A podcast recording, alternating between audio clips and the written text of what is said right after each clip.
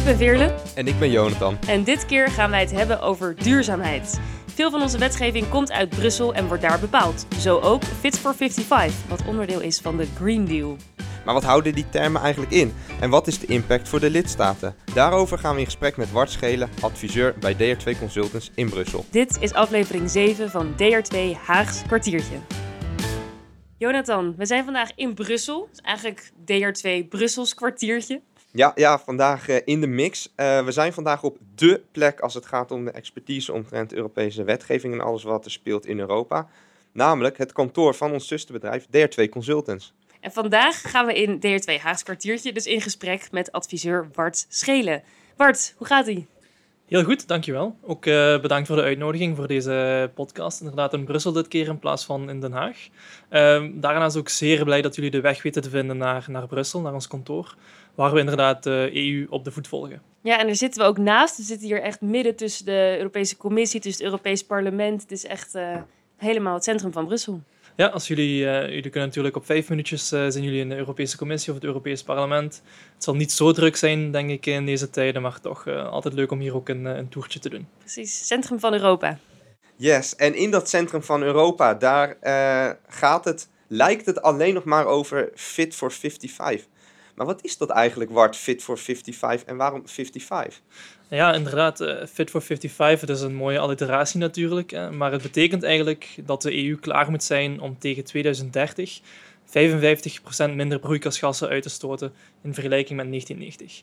Jullie kennen natuurlijk allemaal de Green Deal en die zetten in 2019 reeds de uh, ambitie uiteen om tegen 2050 klimaatneutraal te zijn in Europa.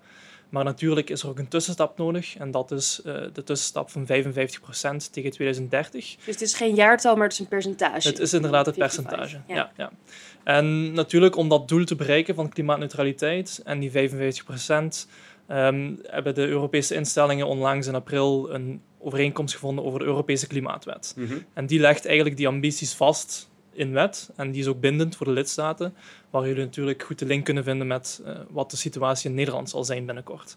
Je spreekt net over doelstellingen in een heel pak EU-wetgeving. Welke sectoren worden waarschijnlijk het meest geraakt door het Fit for 55 pakket? Het pakket gaat inderdaad vrij veel omvatten. Uh, we verwachten in totaal niet minder dan 11 wetgevende voorstellen tegelijk, dus dat is natuurlijk niet niks. En er zit zowel nieuwe wetgeving in als ook herziening van heel wat bestaande wetgeving. In grosso modo kunnen we zeggen dat de impact vooral zal te vinden zijn in de mobiliteits- en energiesectoren. En is het gewoonlijk in Brussel dat uh, er zo'n heel pakket wordt gepresenteerd als er een uh, herziening of bepaalde sectoren worden aangepakt, of in dit geval duurzaamheidsdoelstellingen? Of is het echt wel uh, een stuk anders, dit pakket, dan hoe normaal gesproken wordt gewerkt in Brussel? Een pakket is natuurlijk niet uitzonderlijk. Uh, dat zien we wel vaker, hebben we ook de voorbije jaren zeker gezien. Nu, de omvang van dit pakket is natuurlijk wel um, vrij gigantisch. Elf voorstellen tegelijk. In een normale situatie zouden we kunnen spreken van vier of vijf wetgevende voorstellen. Dus het zal natuurlijk ook de complexiteit van het uh, proces na de publicatie zeker niet vergemakkelijken.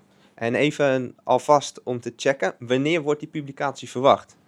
Ja, die wordt verwacht voor 14 juli. Um, de Europe dat is snel. Ja, dat is vrij snel. Maar de Europese Commissie heeft reeds het afgelopen jaar zeer intensief gewerkt om alle nodige impactanalyses te publiceren, wat ze verplicht is om te doen um, bij het aannemen van nieuwe of bestaande wetgeving. Okay. En daar is natuurlijk een heel proces aan vooraf gegaan mm -hmm. met intensieve uh, uitwisselingen met allerhande stakeholders.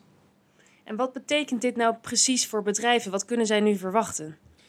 Ja, er zijn natuurlijk heel wat voorstellen die in de pipeline zitten en ik kan er een paar wel uitlichten. Um, natuurlijk, ik denk zeker ook bekend in Nederland het Europees emissiehandelssysteem. En daar verwachten we dat uh, het systeem zal uitgebreid worden naar zowel de wegtransportsector, de scheepvaart en de luchtvaart. Dat zal natuurlijk een vrij grote impact hebben op die sectoren, ook op nationaal niveau. Ja, misschien even in een notendop. Um, wat houdt het precies in, dat systeem? Nu, het is zeker geen, uh, geen gemakkelijk systeem, want uh, het zit zo dat bedrijven dus op een emissiemarkt emissierechten kunnen kopen voor de emissies die zij dus daadwerkelijk ook hebben. En natuurlijk wordt er ook een, een soort cap gesteld, een prijs op die CO2-emissies. En het is de bedoeling dat die cap, dat dat plafond omhoog getrokken wordt, zodat het voor bedrijven natuurlijk moeilijker wordt om die emissierechten te verhandelen. En waar natuurlijk bedrijven ook aangespoord zullen worden, een stimulans om sneller te verduurzamen. Oké, okay, dus het is net eigenlijk een soort incentive voor bedrijven om uh, nog sneller te verduurzamen. Inderdaad. Ja. Heb je nog net voorbeelden van uh, hoe dit in de praktijk werkt? Um, ja, er zijn natuurlijk buiten het emissiehandelssysteem nog heel wat je zou iets kunnen zeggen, concretere voorstellen die op tafel zullen liggen. Zo kan je bijvoorbeeld denken aan een update rondom de infrastructuur voor alternatieve brandstoffen. Natuurlijk Nederland als koploper in de elektrificatie in Europa zal dit natuurlijk een zeer belangrijk dossier worden. Uh, het is zeker ook de bedoeling van de Europese Commissie om die elektrificatie goed verder te zetten. Een ander dossier dat er ook zeer nauw mee verweven is, is de uh, emissiestandaarden voor auto's en voor bestelwagens die ook zeer streng, nog strenger zullen worden om natuurlijk die elektrificatie ook in gang verder te zetten. Het komt op mij over alsof er een hele sterke focus op mobiliteit ligt eh, in het eh, aanstaande pakket. Of dat het er lijkt te komen. Klopt dat? Ja, dat klopt inderdaad. En natuurlijk, uh, de link die je bij mobiliteit heel makkelijk kan maken, is natuurlijk naar de energiekant.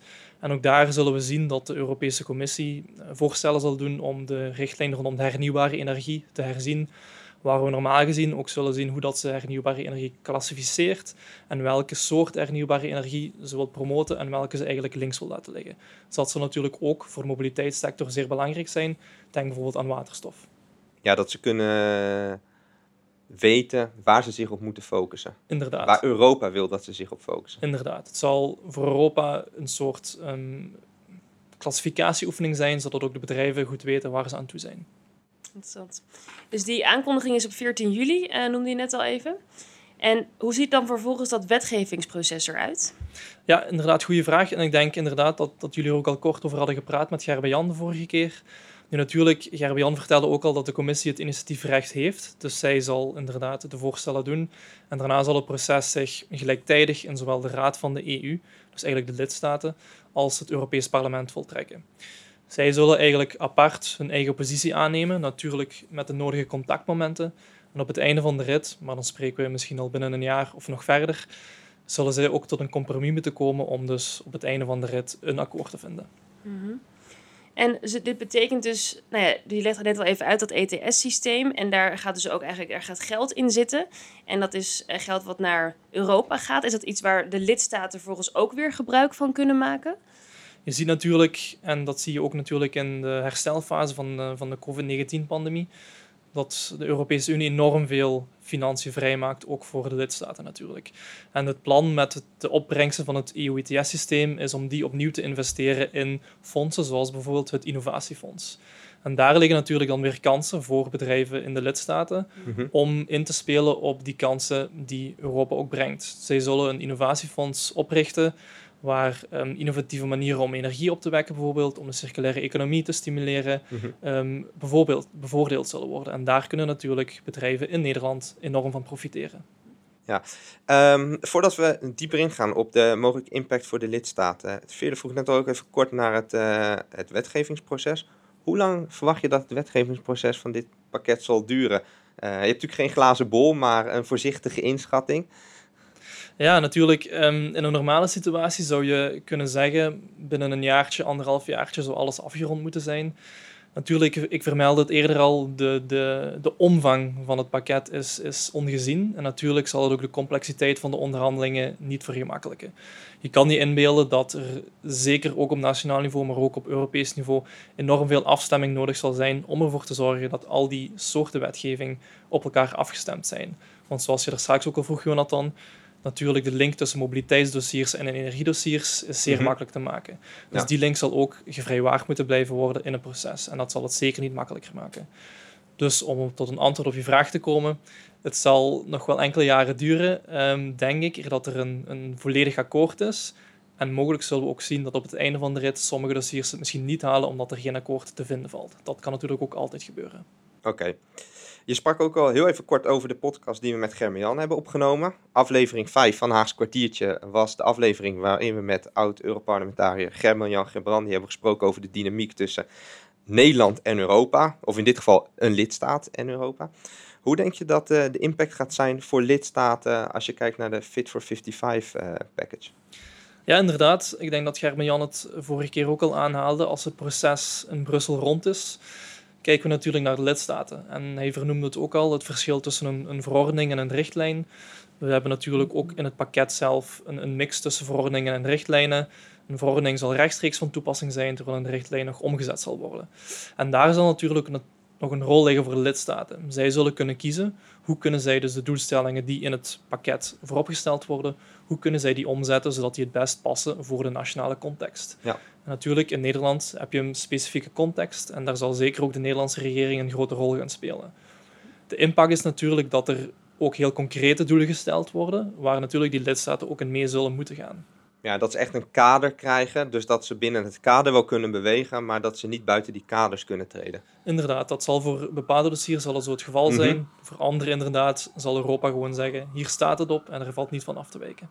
Oké. Is dat ook voor het eerst? Dat ze, het klinkt best streng, namelijk. Is dat eh, Ehm, voor, is het voor het eerst omdat de urgentie zo hoog is dat ze ook wat strenger zijn in die zin? Ehm, niet in de zin van de soort wetgeving die uitgebracht wordt, maar wel in de zin van de doelstellingen die gezet zullen worden. Mhm. Nu, de, de wetgeving die nu eigenlijk gepubliceerd zal worden, is op zich niet zo oud. Er zit wetgeving tussen die nog maar enkele jaren oud is, maar die toch al door de Europese Commissie herzien wordt om dat niveau omhoog te tillen, Mhm. om die doelstellingen nog strenger te maken. En daar zit natuurlijk dan wel ehm, de impact op de lidstaten. En is er nog een manier om invloed uit te oefenen op die plannen? Of is het allemaal set in stone?